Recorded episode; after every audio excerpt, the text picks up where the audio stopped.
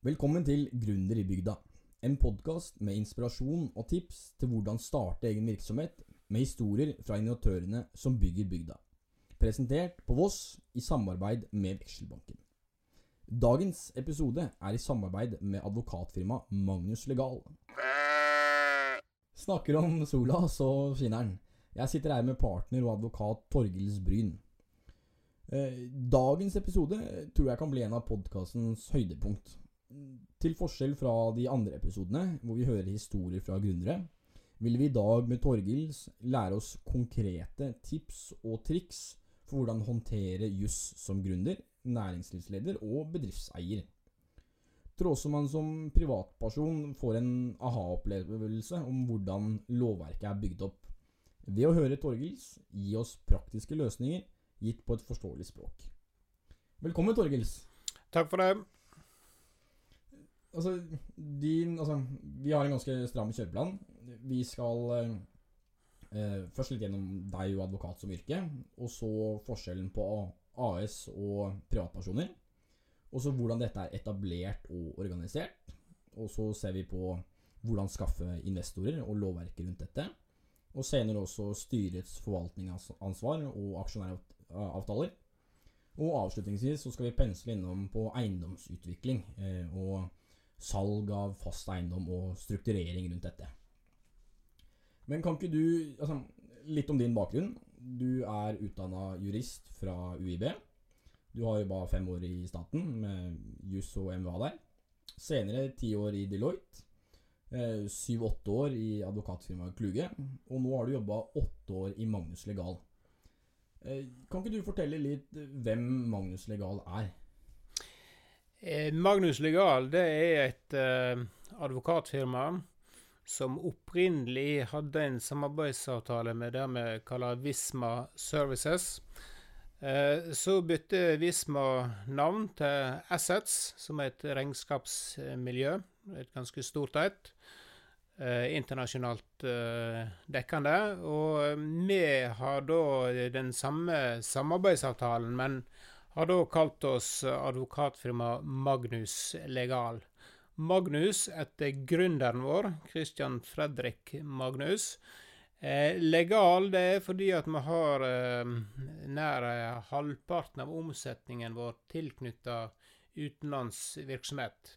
Eller kanskje utenlandsvirksomhet sin, sin eh, forretning i Norge. Eh, så vi bistår eh, masse utlendinger, utenlandske selskap, med deres virksomhet i Norge, men, men vi har òg eh, eh, virksomhet tilknytta skatt, merverdiavgift, selskapsrett, transaksjoner, omstruktureringer og den del av forretningsjussen. Vi er videre ca. 30 mann. 30 ansatte, 25 advokater i Bergen. Stavanger, Oslo, Trondheim. Og så sitter jeg da som en liten satellitt i Voss Kondol på Voss. Med da nær tilknytning til bergenskontoret. Mm. Og du har vært nå i Magnus Legal i åtte år, og du har blitt partner. Hvordan blir man det? Nei, det krever mye jobbing. Du må òg ha en viss forretningsforståelse for hvordan advokatverdenen fungerer. Eh, og da må du ha kunder som, som vil kjøpe dine tjenester. Um, så det er Du må lage en liten strategi på, på den biten òg. Mm. Og hva er din spesialitet? Jeg jobber mye inn mot fast eiendom. Um, fast eiendom, særlig da mot selskapsretten. Uh, det kan være merverdiavgift. Det kan være skatt. Uh, det kan òg være transaksjoner og omstrukturering i tilknytning til en transaksjon. Det er veldig viktig å planlegge transaksjoner for å treffe godt både med kontraktsdokumentasjonen, men òg med at du velger riktig modell ut ifra både skatt og merverdiavgift. Ja, og holdt på å si eh, Når liksom, i hvert fall med meg selv, når du først tenker på advokat, eh, så er det ofte litt forsvarer som kommer som den første tanke. Men du er forretningsadvokat. Ja, forretningsadvokaten de eh, fungerer jo eh, best når de kommer inn litt i forkant i eh, en transaksjon eller en juridisk problemstilling. Vi liker å være med og rådgi. Eh, og når du er i, altså, i forretningsjussen, så sier det seg sjøl at da jobber du mot næringslivet. Eh, det å drive næring er jo da selger du en vare eller en tjeneste. Da i motsetning til de private, som krever andre typer tjenester, det være seg et testament eller en skilsmisse eller en barnefordeling, en nabotvist og de tingene der. Så har du jo selvsagt forsvarerstanden, som da er inn mot strafferetten, Mm. der motparten da er politi og påtalemyndighet. Ja, og holdt jeg på å si altså, Det er en del sånne fundamentale forskjeller på privatpersoner og bedrifter. Eh, eksempelvis gjeld og ansvar. Eh, kan du kommentere litt kort om det? Ja, altså som privatperson så skal du jo alltid være opptatt av gjeld, og du eh, skal jo aldri ta på deg mer gjeld enn det du greier å betjene, og du bør foreta noen investeringer eh, når du tar opp et lån. Eh, og når du er privatperson, så vil du jo alltid stå personlig til ansvar for det lånet og de forpliktelsene du tar på deg. Når du er inne i forretningsjussen, så må du òg tenke ansvar for gjeld. Ansvar for gjeld er ganske, kanskje hele fundamentet i aksjeloven. Eh, der du har et kreditorvern, men òg ansvar for gjeld.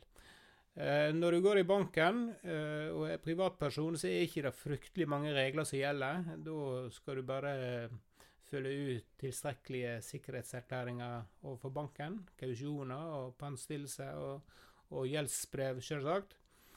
Eh, Men når du er i et selskap, eller sier du stifter næring, og du begynner kanskje som et enkeltpersonforetak, da er det òg lett å komme i banken, fordi at eh, banken vet at du faktisk eh, hefter med alt du eier. Bil og båt og hus.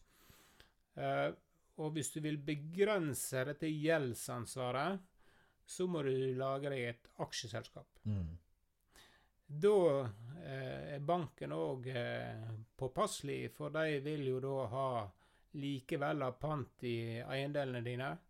Så utfordringen da blir å, å komme seg gjennom eh, denne stiftelses- og gründerprosessen uten for stort ansvar. Mm.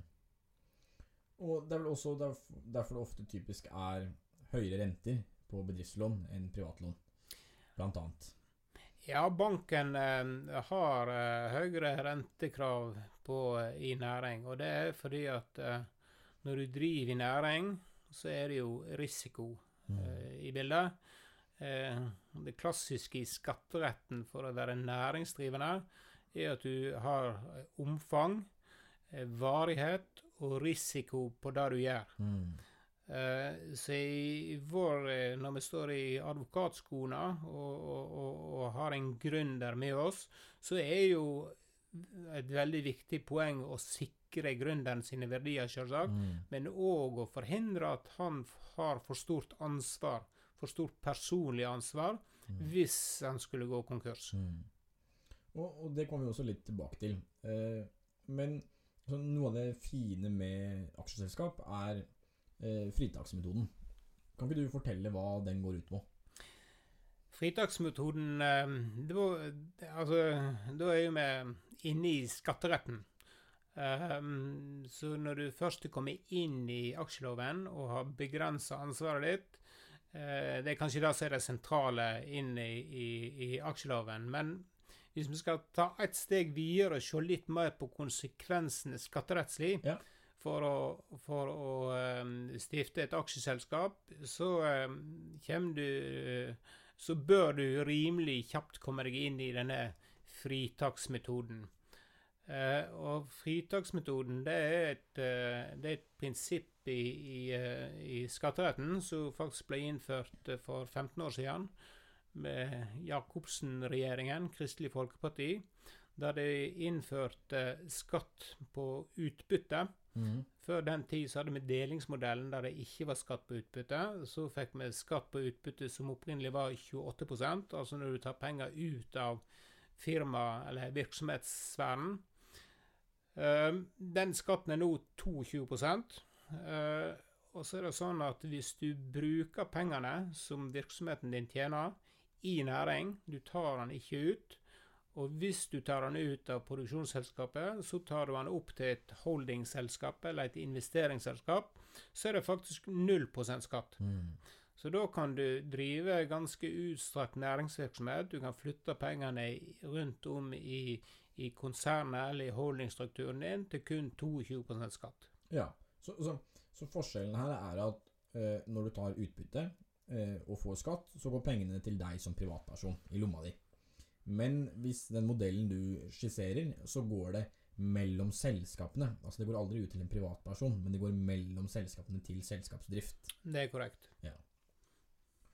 Og altså, vi skal ikke gå for mye inn på det, for vi kommer tilbake til det senere. Men her er det også eiendomsselskaper en del fordeler med å ha noen driftsselskaper ved siden av. Stemmer ikke det?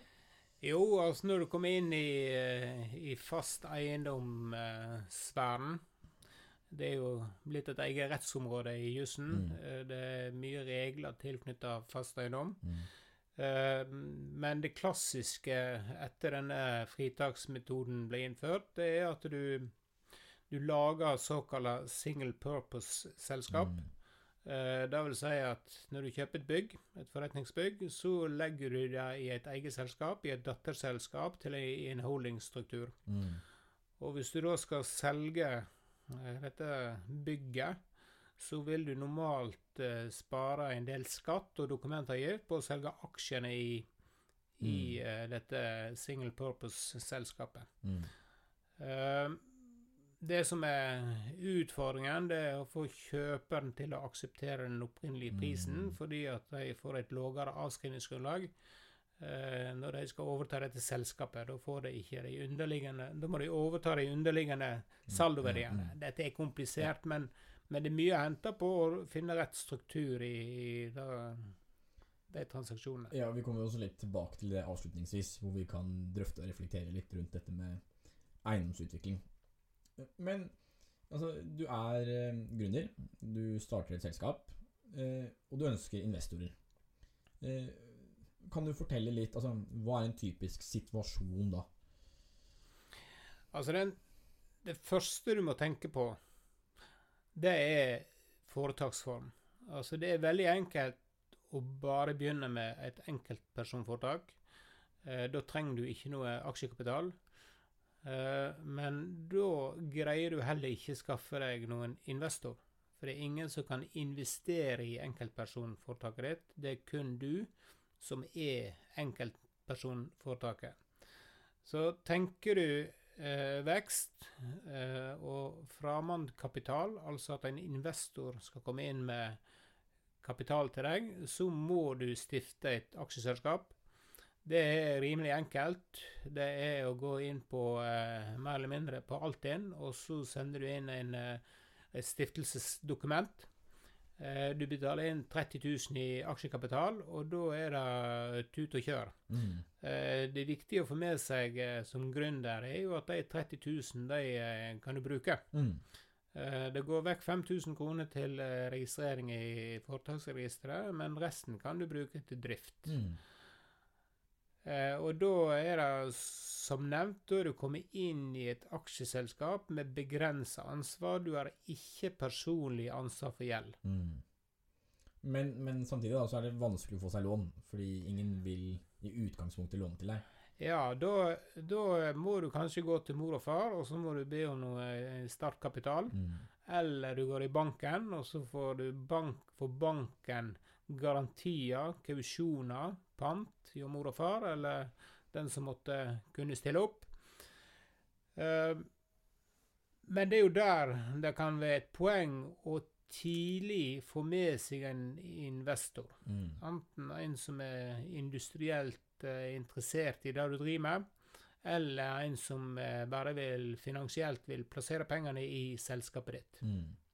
Fordi altså, et aksjeselskap er jo bygget opp av nettopp aksjer, altså andeler i, i bedriften. Og de andelene kan du velge å selge. Det er korrekt. Altså Når du stifter selskapet, så er det normalt å bare si at eh, du har 30 000 aksjer, A krone 1. Altså da er pålydende 1 krone. Eh, så er det jo snakk om å skaffe en merverdi på disse aksjene. Og det er jo der forretningsideen din skal komme inn, og så skal den blomstre. Og skape denne merverdien for deg som gründer. Eh, og da går du um, kanskje til banken, men du går òg kanskje til en investor som skal komme opp med 1 million kroner. Det er det du trenger for å få patentert det du eh, drømmer om. Eh, den millionen, da spørs det hvor mye aksjer, hvor mange aksjer denne investoren skal få. Mm. Og det er klart han kan ikke få aksjer til pålydende, Nei. for da eier han 1 million aksjer, mens du eier 30 000 aksjer. Mm. Så det, det henger går ikke. Nei. Så det som blir utfordringen da, det er å finne denne tegningskursen, overkursen, eh, som det heter, der altså investoren må inn, og så må han kanskje betale 1000 kroner per aksje. Mm. Men det som er avgjørende, er hvor mange prosent du vil gi fra deg, og hvor mange prosent denne investoren forlanger å få. Ja, for her henger det også altså, Her er det en del betydninger av eierskap eh, på ulike trinn oppover. Altså, I utgangspunktet så eier du som grunner 100 Du har starta dette.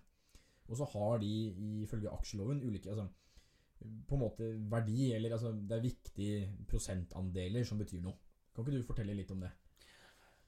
Det er sånn at uh, hvis du har stiftet et selskap, så har du òg laga noe som heter vedtekter. Mm. Vedtektene det er veldig viktig. I vedtektene så står det bl.a. hvor mye aksjekapital du har. Det står òg hva formål, altså hva virksomheten skal, skal bale med. Hva er det du skal hva er det selskapet skal interessere seg for? Eh, og så er det forretningsadressen. Mm. Det er tre viktige moment som du skal tenke godt på som gründer. Mm. Eh, poenget med forretningsadressen er jo at eh, de fleste de vil jo som stifter på Voss, de vil være på Voss. Mm. De vil ikke ha en investor som plutselig flytter selskapet til Oslo Mm. og starter opp produksjonen der. Eh, så forretningsadresse er viktig. Så har du dette med aksjekapital. Det går på at eh, hvis aksjekapitalen er 30 000, og du skal gi vekk 50% av aksjer for 1 million kroner, eh, da er aksjekapitalen din blitt 60 000 Mm. altså 60-30 nye aksjer med pålydende da, som tilsvarer et kapitalinnskudd på 1 million. Mm. Eh, og da er aksjekapitalen altså blitt 60 000 kroner. Så hvis du skal endre den aksjekapitalen, eller hvis noen vil endre den aksjekapitalen, og si at den tegningskursen skal være lavere, så må du ha to tredels flertall. Ja, for det er for å endre vedtektene. Ja. Ja. 67 Så hvis du gir denne investoren da 67 av aksjene, så kan han fritt endre vedtektene. Mm. Og Da kan han flytte selskapet, og han kan ut i aksjekapitalen med den kursen han foreslår.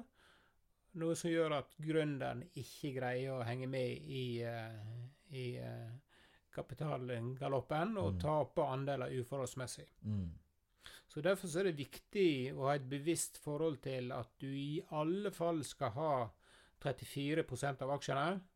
For på den måten så kan du forhindre vedtektsendring. Ja, og det heter negativ kontroll. Det heter negativ kontroll, det er korrekt. Mm. Og eh, altså, et annet eh, altså, sånn hakk, altså, hvis, vi, hvis vi går ned igjen til 10% det kan også være viktig på noe vis. Eh, fortell hva det ligger i å ha 10% eierskap. Ja, da kan du, da kan du hindre utløsning, blant annet. Mm. Uh, så det minste du skal kanskje ha innledningsvis Jeg tenker det minste du skal ha innledningsvis, er 34 Ja. Eh, det er òg noe som heter 50 Mm.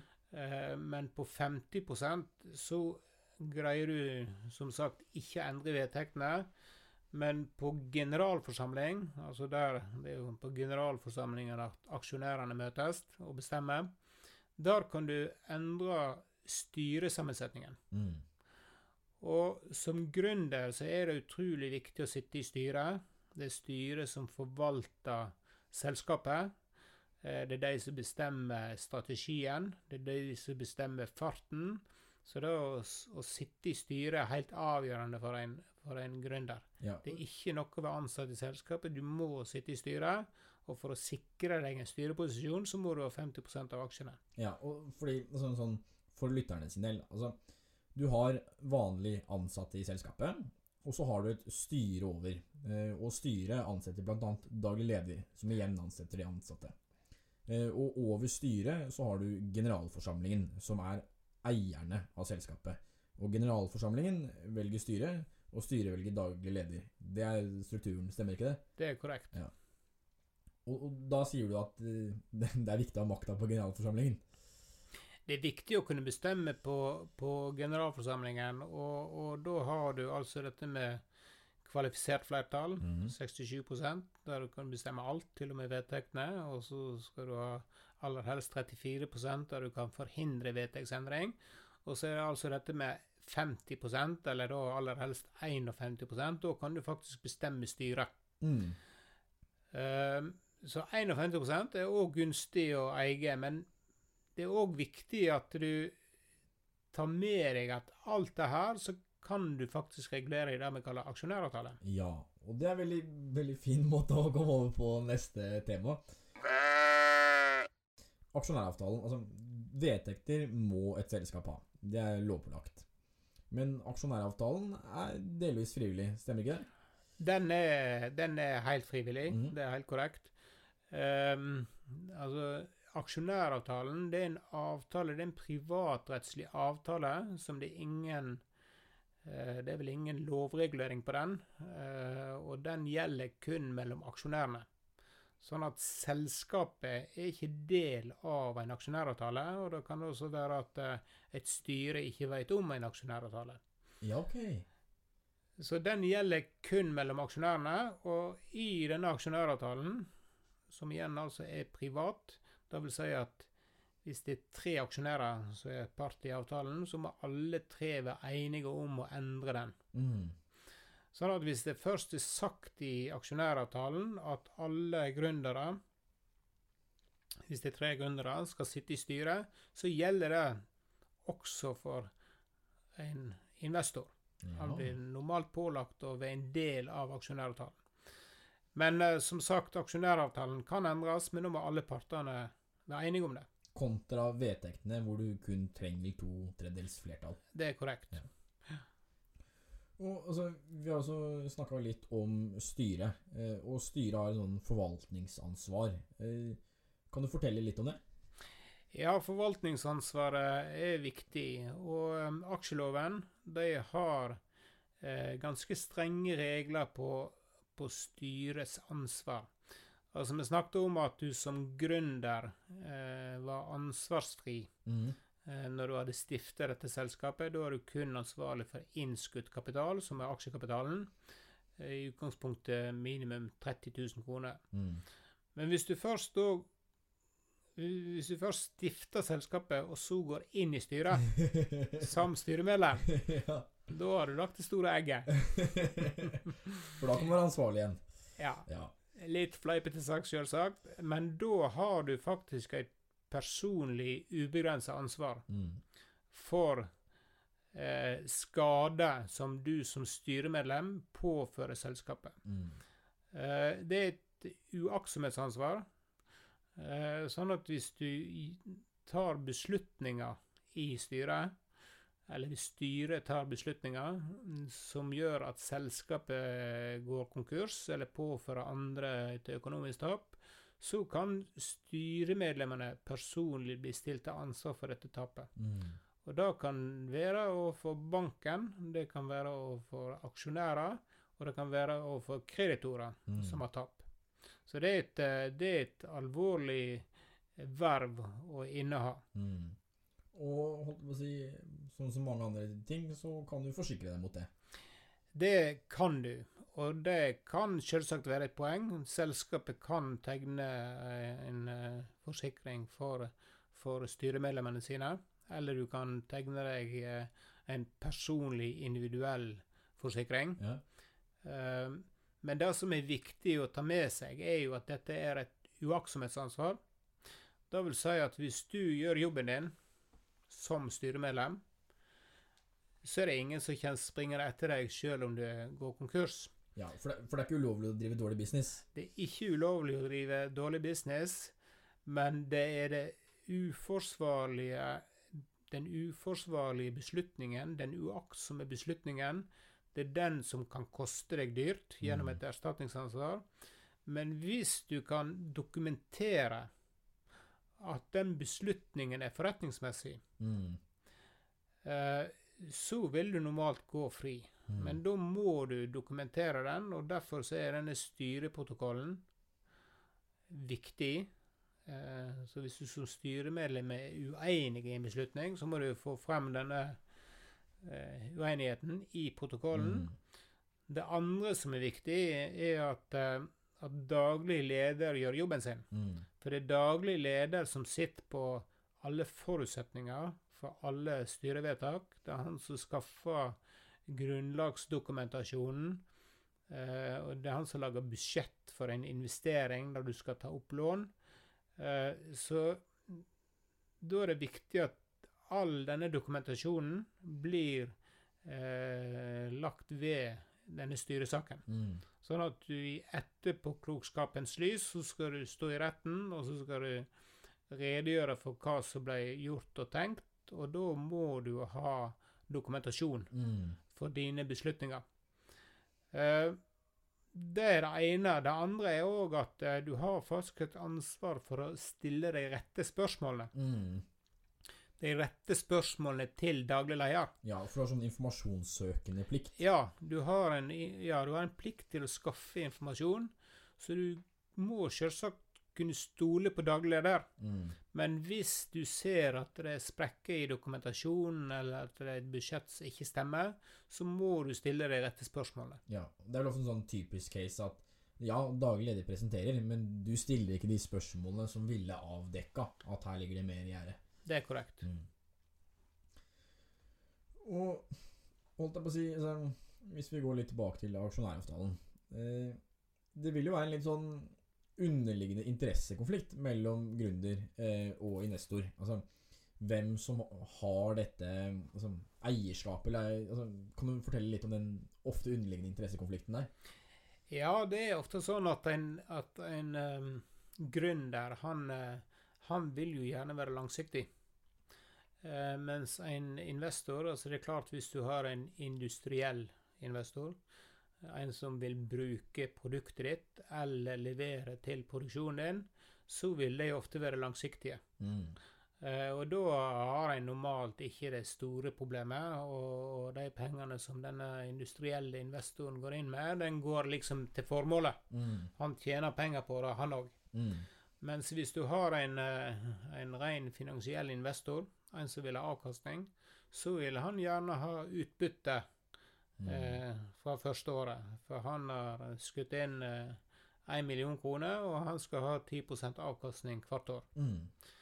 Eh, og da kan du i denne aksjonæravtalen eh, bestemme at de fem, første fem årene ikke skal være utbytte. Mm. Eh, du kan òg si at eh, aksjen ikke er omsettelig de første fem årene. Og Sånn- hva vil det si? At den ikke er omsettelig? Ja, da, da eh, kan ikke eh, verken investor eller gründer selge aksjen Mm. eh, og, og ta gevinst, eksempelvis, eh, på det. Det er selvsagt ikke skadelig å, å selge en aksje hvis du får inn en investor som er minst like eh, kompetent og, Mm. og langsiktig. Men, men da er det plutselig eh, et selskap som er i spill. Mm.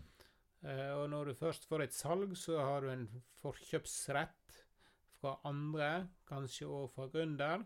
Så da, da kan eh, rollene Eller selskapet komme i spill, rett og slett. Mm. Og holdt jeg på å si i aksjonæravtaler så er det sånne typiske klausuler. Altså, du var litt innpå det at uh, selskapet kommer i spill. Altså En typisk det er at styre, Altså, du krever styregodkjenning for nye investorer.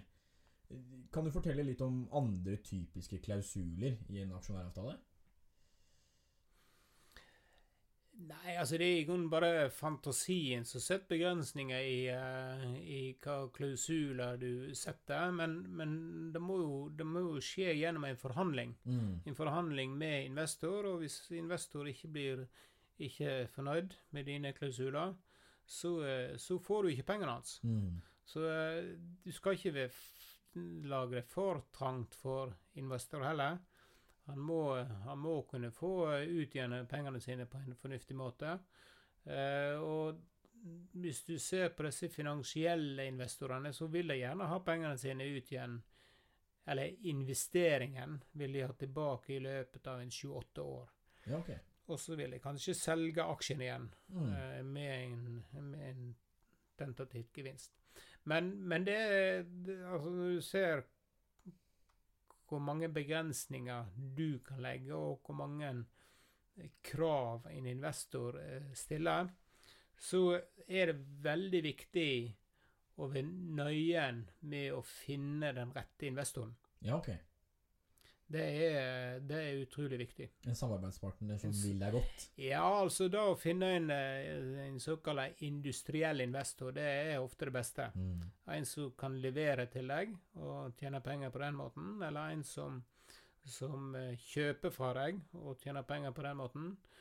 Eh, de er ofte mer langsiktige. Ja, altså en som opplever synergier mer enn bare altså, økning av verdien på selskapet. Det er korrekt. Ja. De vil jobbe langs det samme formålet. Men, Altså, hvordan finner man investorer? Altså, du har vært med på en del emisjoner. Kan du, har du noen innspill der? Nei, du må jo oppsøke de rette miljøene. Du har jo hatt noen eh, med deg eh, før i podkasten her. Eh, og de har nok en eh, kanskje bredere oppfatning, eh, mer eh, fundert oppfatning av hvem som er rett investor.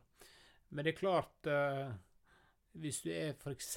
innenfor eiendomsutvikling, så, så kan det vel ofte være at du, du, fin, du kan finne et bygg, en byggevareleverandør som vil være med å utvikle et eller annet hyttefelt. Eller du kan finne noen som eh, skal sende opp turister i dette feltet. Eller der er det vel kanskje ofte vanligst å finne en ren finansiell investor. Som, som går inn med en eh, pott eller, en, eh, eller garanterer for et lån. Og så utvikler du dette hyttefeltet, så får du kanskje et pålegg fra kommunen om å bygge noe infrastruktur, sånn at en del av pengene blir liggende igjen i, i tiltak og i kommunen. Men, men resten vil jo da eh, være gjenstand til utbytte Mm. til denne investoren. Mm. Og det kan jo være hvem som helst over hele landet. Mm.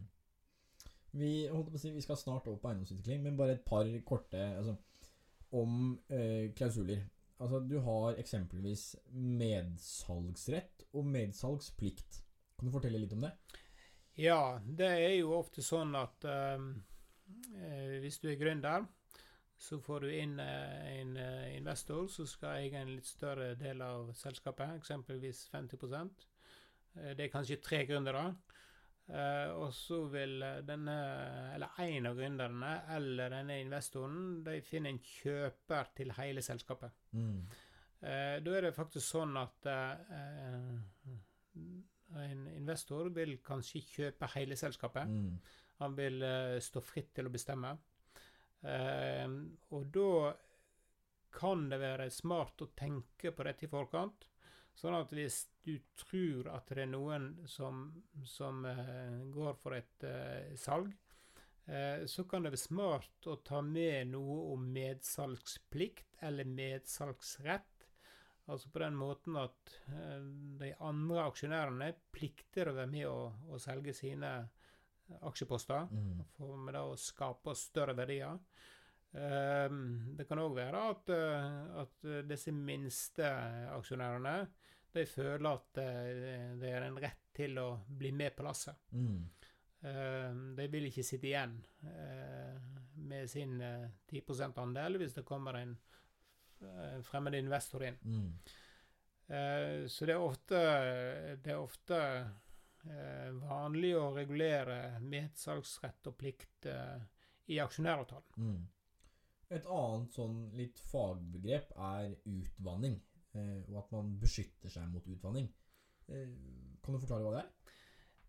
Vi har vært inne i, det, i dette med å ha 34% av aksjene. Ja. Hvis du har 34% så er det jo sånn at du ikke at du kan forhindre vedtektsendring. Mm. Eh, Du kan da ikke endre aksjekapitalen uten ditt samtykke, og du kan være med å bestemme denne tegningskursen. Mm. Utvanning det skjer hvis det kommer inn eh, en investor, og så eh, setter de tegningskursen lågt. Ja, okay.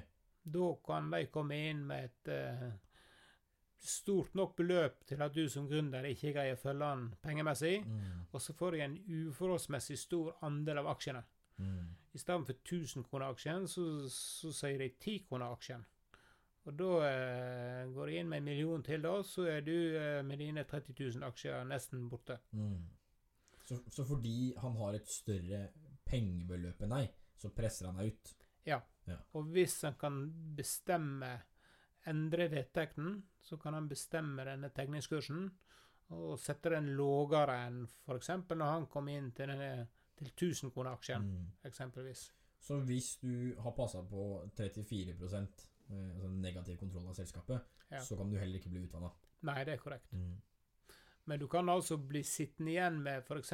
10% og så kan du bestemme i aksjonæravtalen at det ikke skal skje en emisjon uten at alle er enige, eller at en eh, emisjon aldri skal skje under kurs sånn og sånn. Ja, for da er vi tilbake til at dette er en privatrettslig avtale, Ja. hvor dere liksom alle må signere for at avtalen går gjennom. Det er korrekt. Og holdt jeg på å si eh, Etter at selskapet har vokst, eh, og det går bra, eh, så vil du eksempelvis som gründer selge deg ut. Og da er det noe som heter sånn altså, karantene. Altså, det har jo vært vel samtaleevne med korona, men også karantene i businessverden. Kan, kan du ikke forklare hva er det? Eh, hvis du er ansatt, så kommer det faktisk inn en, en regel i eh, arbeidsmiljølova at du kan ikke legge med begrensninger på dette med karantene med å bytte jobb. Eh, og du kan få en karantene, men nå må du betale lønn i denne karanteneperioden. Altså du får rett og slett et forbud mot å jobbe med det du kan. Mm. Eh, Så, så som vanlig ansatt så kan du ikke havne i karantene med mindre de betaler deg for det. ja, da kan de betale deg. Men, men kan de tvinge deg til å betale? Eh, Altså, Kan de sette deg i karantene uten at du selv ønsker å være i karantene? Nei, det er altså Som aksjonær så kan du kanskje Altså hvis du ikke jobber i selskapet, så, så kan de Altså de kan, sette, de kan si i aksjonæravtalen at du har ikke lov til å investere i konkurrerende virksomhet Mm. mens du er aksjonær. Eh, jeg ser vel neppe for meg at du ikke skal kun, kunne eh, stifte konkurrerende virksomhet eh, hvis du selger deg ut. Okay. Med mindre du er ansatt. Altså, Ja, ok. Du kan ikke være ansatt og jobbe videre, og så Mm. stifte konkurrerende virksomhet. Mm. Uh, så det er viktig å se forskjellen på da en aksjonær som er kun aksjonær, og en aksjonær som er ansatt. Mm. Eh, da gjelder arbeidsmiljøloven. Mm. og du har rett til lønn. Men, eh, men du kan eh, som sagt avtale Du står fritt til å avtale alt av konkurransebegrensninger i aksjonæravtalen. Mm. Um, For, for, altså, hvis du altså, Det kommer en stor investor, eh, og du selger deg helt ut. Altså, du forlater selskapet og tar med deg en klekkelig sum penger. Kan du altså, kan du dagen etterpå starte et nytt selskap som driver med akkurat det samme du driver med? Ja, altså det er ikke nødvendigvis uh, aksjonæravtalen som regulerer det. Uh, når du kjøper eller selger aksjer, så vil du komme opp med en aksjekjøpsavtale. Ja. Og i denne aksjekjøpsavtalen så kan du jo uh, regulere. Mm. Altså kjøper kan f.eks. regulere og si at du skal ikke etablere deg eh, i dette området Ja. med ny konkurrerende virksomhet. Og det er ganske typisk. Det kan være typisk. Ja. Og altså, nå har vi vært ganske godt gjennom det her, eh, med aksjer og aksjeselskap eh, og ak aksjonæravtaler. Men altså Et eh, selskap eh, er bygd opp av aksjer. Men de aksjene må ikke nødvendigvis være like. Altså, du kan ha A- og B-aksjer. Fortell litt om det. Det er korrekt. Og eh, det er ofte sånn at eh, at eh, hvis du har A-aksjer, så er det både med stemmerett og med utbytterett. Så kan du ha B-aksjer som har bare én av delene. Men ja, det vanlige er kanskje at du ikke har stemmerett, Mm. men at du har en, en utbytterett. Mm. Men det der er avtalefrihet på, så Så, så, så du kan strengt tatt sitte med mindre prosentvis andel av selskapet, men du sitter med disse viktige A-aksjene som har bestemmelsesrett. det kan du òg. Det er vel ofte en sånn litt sånn typisk case i generasjonsskifter. Altså at eh, gamlefar sitter med retten, men barna får gleden av selskapet. Ja. Syns jeg var en veldig fin eh, oppsummering. Videre nå så vi beveger oss litt over på eiendomsutvikling. eh, Og her er jo din spesialitet kommer inn. Eh, Altså, kan ikke du fortelle altså, Hvordan strukturerer man eiendomsutvikling sånn rent selskapsmessig? Eh, Fortell litt om det. Eh, eiendomsutvikling, da, da tenker jeg først og fremst at du, du får tilgang til et utbyggingsområde. På Vås har vi flere sånne utbyggingsområder. Du har i Bavallen, du har i Mørkdalen, du har oppe i Voss ski- og tursenter.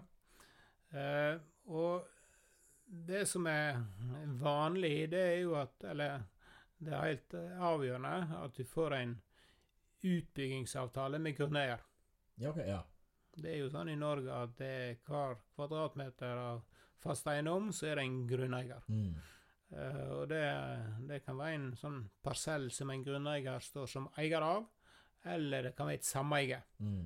Eller i, uh, i skiheissammenheng så er du òg ofte oppe i det som vi kaller felleseier. Ja. Så da må du ha avtaler på, på flere plan. Eh, men hvis du skal forholde deg til f.eks. fem grunneiere som eier et utmarksområde ja for, for, for grunneiere er ofte typiske altså, bønder og sånt som har eid dette lenge. Ja. Og så kommer du inn som eiendomsinvestor. Det er korrekt. Ja. Og da må du skaffe deg en avtale med denne grunneieren Mm. om å utnytte og utvikle deg, den grunneiendommen. Mm. Som jeg ofte da vil kalle et utbyggingsområde. Mm. Så lager vi en utbyggingsavtale, som eh, veldig ofte er en opsjonsavtale. Hva betyr opsjon? Opsjon, da får du rett til å kjøpe eller rett til å utvikle området. Men, men det er ikke en plikt. Nei. Eh, og opsjonen, den, den vil du ofte realisere når du har fått regulert området. Ja. For da kommer jo eh, politikerne inn. Eh, kommunestyre, formannskap, og så skal de gjennom en reguleringsplan si at eh, dette er OK, her kan du bygge hytte, og her kan du bygge skiheis, eller du kan bygge et, en golfbane, eller ei langrennsløype. Ja, for, det er noe med den rekkefølgen. Altså, du kontakter grunneieren og forhandler med han og, og får til at han har lyst til å selge til deg. Men du må ofte, altså, ofte er dette skog, eh, og du må regulere denne skogen. Og da er det som du sier, at da må den politiske prosessen. Og derav dette opsjonsdealen. Eh, altså. Stemmer ikke det? Det er korrekt. Ja. Fortsett videre. Så da, eh, da lager du denne utbyggingsavtalen med dette opsjonselementet, og så har du som utbygger da rett til å tiltre denne avtalen når du har fått regulert området. Mm. Eh, og da har du lagt bak deg kanskje tre, fire, fem års arbeid, Mm. som krever mye kapital. For du må ha inn arkitekter, og du må ha inn eh, konsulenter til å lage reguleringsplan og prosjektere dette her. Eh, og så skal du da velge om du skal kjøpe grunneiendommen eh, for eksempelvis 10 millioner kroner, eller om du skal få oppgjør, eller om grunneier skal få oppgjør ved videresalg av disse tomtene. Ja, ok. Så altså, du betaler ikke han der og da, men senere. Det er korrekt. Ja. Det kan òg være en kombinasjon Ja. med et, eh, noen håndpenger, som det heter. Eh, og så at du får eh, oppgjør. Du får f.eks. 100 000 per solgte enhet. Mm. 200 000, det er jo eh, avtalen som avgjør det. Mm. forhandlingene. Eh, men det er klart, som utbygger så trenger du mindre kapital hvis du kan bruke dette utbyggingselementet med å, å betale grunneier når tomtene blir solgt. Mm. For da betaler du også når du har inntekter, da. Da betaler du først når du har inntekter. Mm. Eh, og holdt jeg på å si Altså Ofte så må man eh, Altså koordinere altså, dette med banken nå. Altså, vi er litt inne på dette med at man får en tredjemannspart eh, og får pant. Kan du fortelle litt om det? Ja. Eh, for når eh, du har fått denne Du har tiltrådt opsjonen, eh, og du har bestemt deg for å bygge ut, eh, og da går det normalt et år før du får begynne å selge disse tomtene. Eh, og da har du gått i banken, og så har du spurt om et, eh, et eh, utbyggingslån. Eh, det skal koste 50 millioner kroner. eh, å bygge vei, vann og avløp Mm. i eh, utbyggingsområdet. Eh, og da sier banken eh, at eh, vi vil ha pant i grunneiendommen. Ja. Eh, fordi at det er jo banken sine penger du har brukt til å bygge vei, vann avløp. Mm. Eh, og banken vil ikke så, sånn at eh, hvis utbygger går konkurs, at det da er grunneier som får disse verdiene, Mm. uten å betale tilbake noe til banken. Mm. Så derfor så må banken ha pant. Mm. Eh, men så er det òg sånn at denne grunneieren er jo opptatt av pengene sine. Mm. Eh, hvis utbygger går konkurs. Ja, alle skal ha pengene sine. Alle, skal, alle vil ha penger. Eh, og da, eh, da har vi et instrument eh, som vi kaller en koordineringsavtale. Mm. Der grunneier og bank og utbygger felles setter seg rundt eh, bordet. Og så blir de enige om at, at hvis utbygger går konkurs, og banken tiltrer pantet, som det heter, så skal banken forholde seg til denne utbyggingsavtalen. Ja, ok. På den måten at da får grunneier uansett pengene sine. Ja. Når banken har solgt prosjektet til andre som utvikler det. Hvis det ikke blir noen videreutvikling, så, eh, så har jo eh, grunneier eh, likevel eiendomsretten. Mm. Men da har jo banken tapt pengene Mm. sine, eller pantet sitt. Mm. Så de må jo da komme opp med en ny utbygger som er i stand til å utvikle resten av feltet. Mm. Så, så grunneier er egentlig litt sikra på den måten der? Ja, det er målsettingen at grunneier skal være sikra Mm. i, på alt. Han, eh, han stiller grunneiendommen eh, til disposisjon, men han skal være sikker på å få oppgjør. Mm. Og altså, ofte altså, tett med dette så henger også salg av fast eiendom og omstrukturering av selskapene. Eh, vi var altså, så vidt innom på det. altså det sånne Single purpose-selskaper eh, hvor altså, man selger aksjene kontra eiendom. Eh, ofte så ser man det med at eh, større konsern har sånne selskapsnavn hvor det er sånn Langeveien 1, Langeveien 2. Kan du fortelle hvordan det fungerer i praksis? Ja, da, eh, da er vi litt tilbake til dette med Altså, det kan godt være eiendomsutvikling, det òg. Mm. Eh, da vil da ved eiendomsutvikling inn mot næring Mm. Altså at, eh, at en større eiendomsaktør skal legge ut et industriområde, eksempelvis, eller et forretningsområde. Eh, og så skal en bygge forretningsbygg, eller eh, utnytte eller utvikle området til, eh, til næring. Mm. Eh, og hvis en da selger tomt for tomt du har, De har et selskap med ti det er sånne næringsarealer på, næringstomter. Så kan du selge de tomtene. Mm. Men da, eh, da vil eh, denne utbyggeren få eh, skatt på gevinst. Altså hvis han har kjøpt dette området for 10 millioner kroner, så utvikler han ti tomter av 10 millioner kroner. Mm. Han skal tjene 100 millioner. Da blir det 90 millioner i gevinst Mm. med 22% skatt. For å snakke i store tall. Ja. Ja. det er dyrt. Pluss at det blir dokumentavgift på 100 millioner. Mm. Eh, så det en da kan gjøre, det er å, å først parsellere disse tomtene. Altså hvert tomt må naturlig nok få, en, få et eget bruksnummer. Mm. Eh, så kan en ta dette eiendomsselskapet, og så fisjonere en ut hver enkelt tomt. Ja, ok. Så da får en plutselig ti selskap Ja. med ei tomt i hvert selskap. ja, for det er det som er fisjon. Altså, du Det er fisjon. Ja. Da deler du ut en eiendel i balansen. I denne balansen i dette eiendomsselskapet så er det ti tomter. Eh, du deler det ut i, i ti nye selskap. Eh, balanseført til de nye selskapene er denne tomten. Mm. Så kan du selge ja, og, og ja, så kan du selge aksjene i dette, disse ti selskapene. Mm.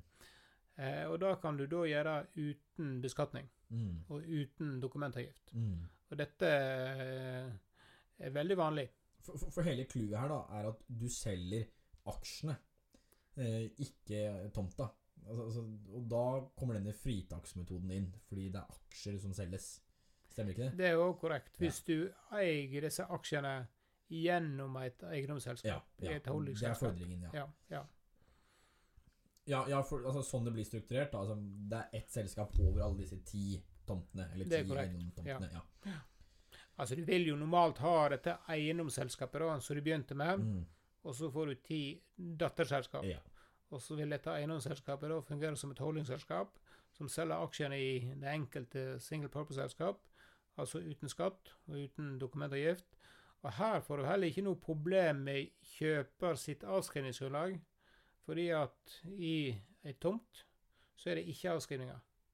Men ved altså, bygg Hvis, ja, hvis du kjøper et forretningsbygg i et sånn single purpose-selskap, så taper du avskrivninger fordi at du må ta med deg det opprinnelige selskapet sitt avskrivningsgrunnlag Ja. på, på bygget. ja. Og det kan være ti år siden det var bygd, med en lavere kostpris enn en det aksjen koster.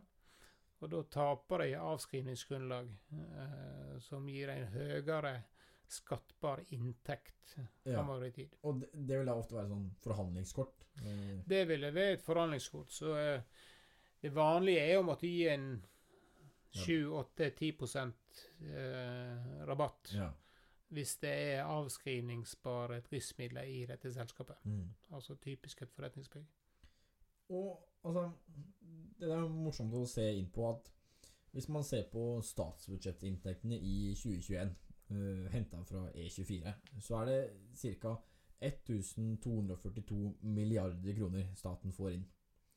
Og litt til altså Du nevnte dette innledningsvis i våre samtaler, men jeg ble veldig overraska over at statens viktigste inntektskilde er eh, moms, eller MVA. Den står for 25% altså nesten altså 25,8% av statens totale inntekter på da 321 milliarder kroner.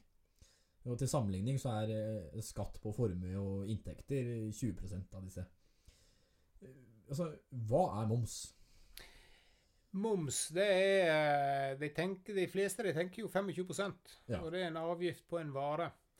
Eh, men moms merverdiavgift det er altså en avgift på den merverdien som blir skapt Mm. i det enkelte omsetningsledd. Mm. Så alle næringsdrivende som selger en vare eller en tjeneste, de er i realiteten en inkassator for moms til staten. Ja, for, for, for det er forskjellen her. Altså, som privatperson så betaler du moms, men som bedrift så fungerer det på en litt annen måte. Og det er det Ja. du er inne på nå. For bedriftene betaler ikke moms. Nei. Men de står eh, midt i, eh, i bedet, og så, og så har de en inngående faktura. De kjøper en tjeneste. Mm. De skal bygge dette bygget, eksempelvis. Da får de inngående avgift. Og så selger de en uh, utleietjeneste som er utgående uh, moms på. Og så er det differansen mellom denne inngående og utgående de betaler inn til staten. Mm. Så staten de følger jo veldig nøye med på hva som skjer i selskapet, Mm. sånn at det her eh, skjer på riktig måte. Men som sagt, den næringsdrivende betaler ikke avgift. Han bare eh, tar inn avgift på vegne av staten. Ja, fordi altså, da har du en inngående merverdiavgift og så en utgående. Eh, Ja. Hva skjer med den differansen der? Altså, Den differansen den blir jo da altså betalt inn til staten. mm. Og så skjer det et eh, Hvis vi skal gå tilbake til forretningsbygget vårt, så skjer det en utleietjeneste. Ja. Eh, I første etasje så er det en Rema 1000-butikk. Eh, denne Rema 1000-butikken får en faktura med moms, utgående avgift for bygget. Så får han fradrag for inngående avgift. Men så selger han en vare til en privat. ja. Og da er det denne private som da ikke får denne fradragsretten, for han er Mm. forbruker Ja. og ikke avgiftspliktig registrert. Så det er der i realiteten staten får sine 325 milliarder kroner ifra denne konsumen. ja. Ola Nordmann må betale. Ja. Hva, hvorfor er det sånn? Hva, hva, er, hva er tanken bak staten? Altså, Nei, det er et sinnrikt eh, system der som ble innført på 60-tallet, 50- eller 60-tallet. Eh, Vi hadde omsetningsavgift, da er det vel helt tilbake på 50-tallet, og så fikk vi merverdiavgiften. Eh, Og det er jo en inntekt til staten som er blitt betydelig. mm. Eh, og som altså det næringslivet som, som inkasserer Krever inn, ja. til, Ja. krever inn til staten. Og eh, en viktig del av vår rådgivning er jo at eh, de næringsdrivende håndterer dette avgifts, denne avgiftsinkasseringen korrekt. ja. For her er det mulig å gjøre store feil. Her kan du eh, gjøre store feil. Eh, det sier seg sjøl at når du, når du som er næringsdrivende og skal investere, så er det gunstig å få denne fradragsskatten. Mm. Fordi at når du da betaler 1 million kroner pluss moms til en f.eks. en entreprenør, Mm. så kommer staten med 250 000. Mm. De kommer med momsen inn i, i banken din. Rett og slett. Du betaler en million, 1,25 til entreprenøren, men staten betaler 250 000 inn på din konto. Ja, for det er inngående og utgående. Ja, det er den inngående Ja, det er inngående for deg, da. Mm.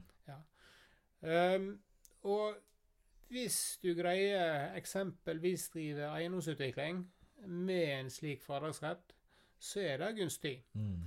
Uh, og da gjør vi tidvis med at eh, vi kan skaffe en fradragsrett på et eiendomsutviklingsprosjekt, et hytteprosjekt som skal ha vann- og avløpstjeneste.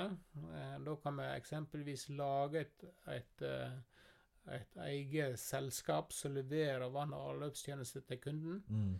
Og hvis det er da dette selskapet som står for utbyggingen av VA, eh, da kan de få denne momsen tilbake fra staten. Mm. Og så er det kunden, hyttekunden, som betaler vann- og avløpsavgifter, så til sjuende og sist betaler moms til staten. Mm. Det samme vil gjelde i, eh, i eh, et forretningsbygg. Ja. Eh, og da er vilkåret at du leier ut en avgiftspliktig leietaker, eksempelvis Rema 1000, eller hvis det er en advokat som jobber i andre etasje, så vil det skje tilsvarende. Du får denne fradragsretten på bygget. Mm. Men hvis du har noen leilighet i tredje og fjerde etasje, eller bank og forsikring, Mm. så vil du ikke få denne fradragsretten. Ja.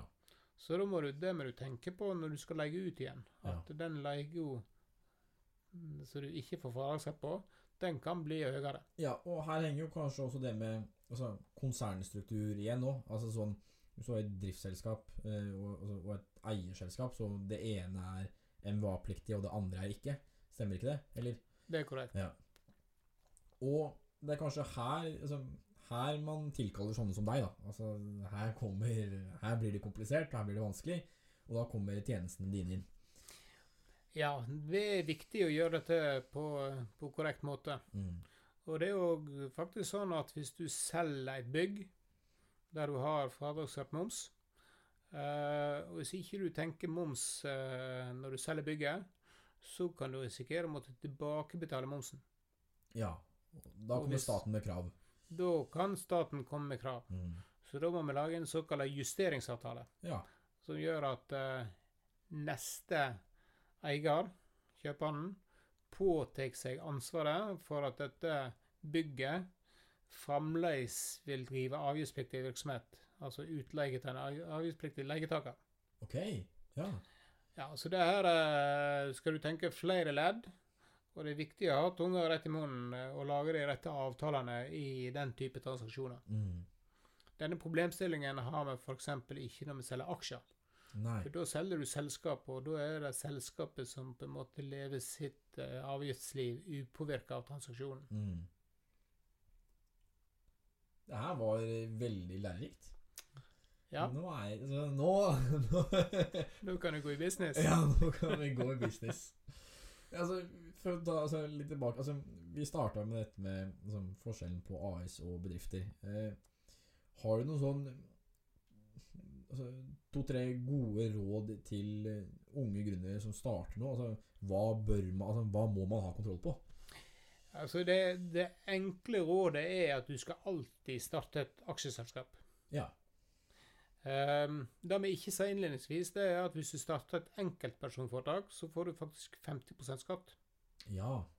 Du får skatt selv om du ikke tar pengene ut. Mm. For det vi heller ikke sa innledningsvis, det er når du stifter et AS, så er det kun 22% skatt på den fortjenesten, eller den eh, Altså der du tjener i AS-et. Det er først når du tar pengene ut til deg personlig at du får 30% skatt. ja. Altså, Vi snakket jo om i fritaksmetoden. ja, og da er det med at pengene må i lomma på deg for at Ja. du skal få den siste delen av Ja. skatten.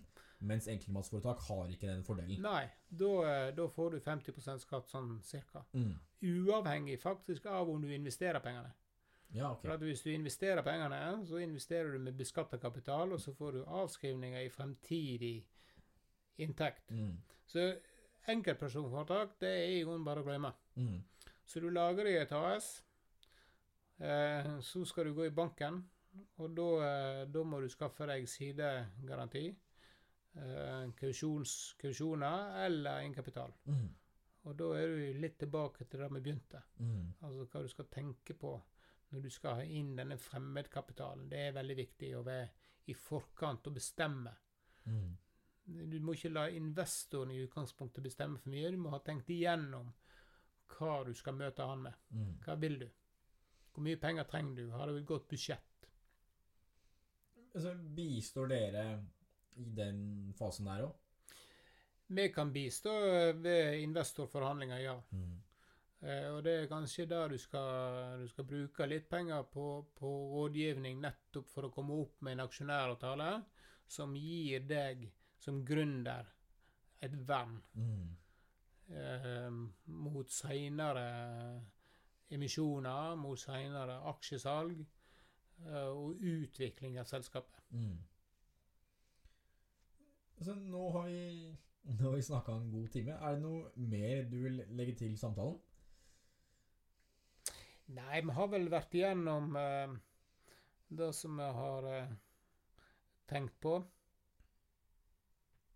Tror det har vært en veldig sånn fin, strukturell gjennomgang. Eh, Jeg vil eh, eh, etter podkastepisoden skrive en artikkel hvor, eh, hvor jeg linker til altså andre artikler som skriftlig forklarer hva du har sagt nå. Så man kan også lese skriftlig. Men er det noe mer du legger til? Nei, vi har jo òg skrevet en del om det her i bloggene våre. Mm. I Magnus Legal vi, vi har en ganske utstrakt bruk av blogg. Mm. Eh, valg av foretaksform er f.eks. en sånn blogg. Ja, om, om en blogg så mener du fagartikler som er en fagartikkel, beskriver, ja. beskriver problemstillingene. Kortfatta fagartikkel som du finner inne på nettsida vår. Mm. Så der er det bare å gå inn og, og lese og, og laste ned. Eh, du finner masse eh, inputs på ja, valg av foretaksform, eller den gode starten på et utbyggingsprosjekt, mm. der du får full gjennomgang for denne momsfradragsretten. Mm. Eh, det kan òg være gjennom en type transaksjon. Ja. Altså, altså her kan man altså holde seg oppdatert eh, ved å følge bloggen deres på, altså på lover og regler eh, som får konsekvenser for din eh, virksomhet og arbeidshverdag. Eh, og du kan også registrere deg for e-postvarsling på blogg.magnuslegal.no. Det kan du nok. Og med det, Torgils, så sier jeg tusen takk for praten. Det her har vært eh, veldig givende. Forhåpentligvis så kan jeg litt mer etter praten. Ja, det var hyggelig å kunne bistå. Takk for praten. Selv takk.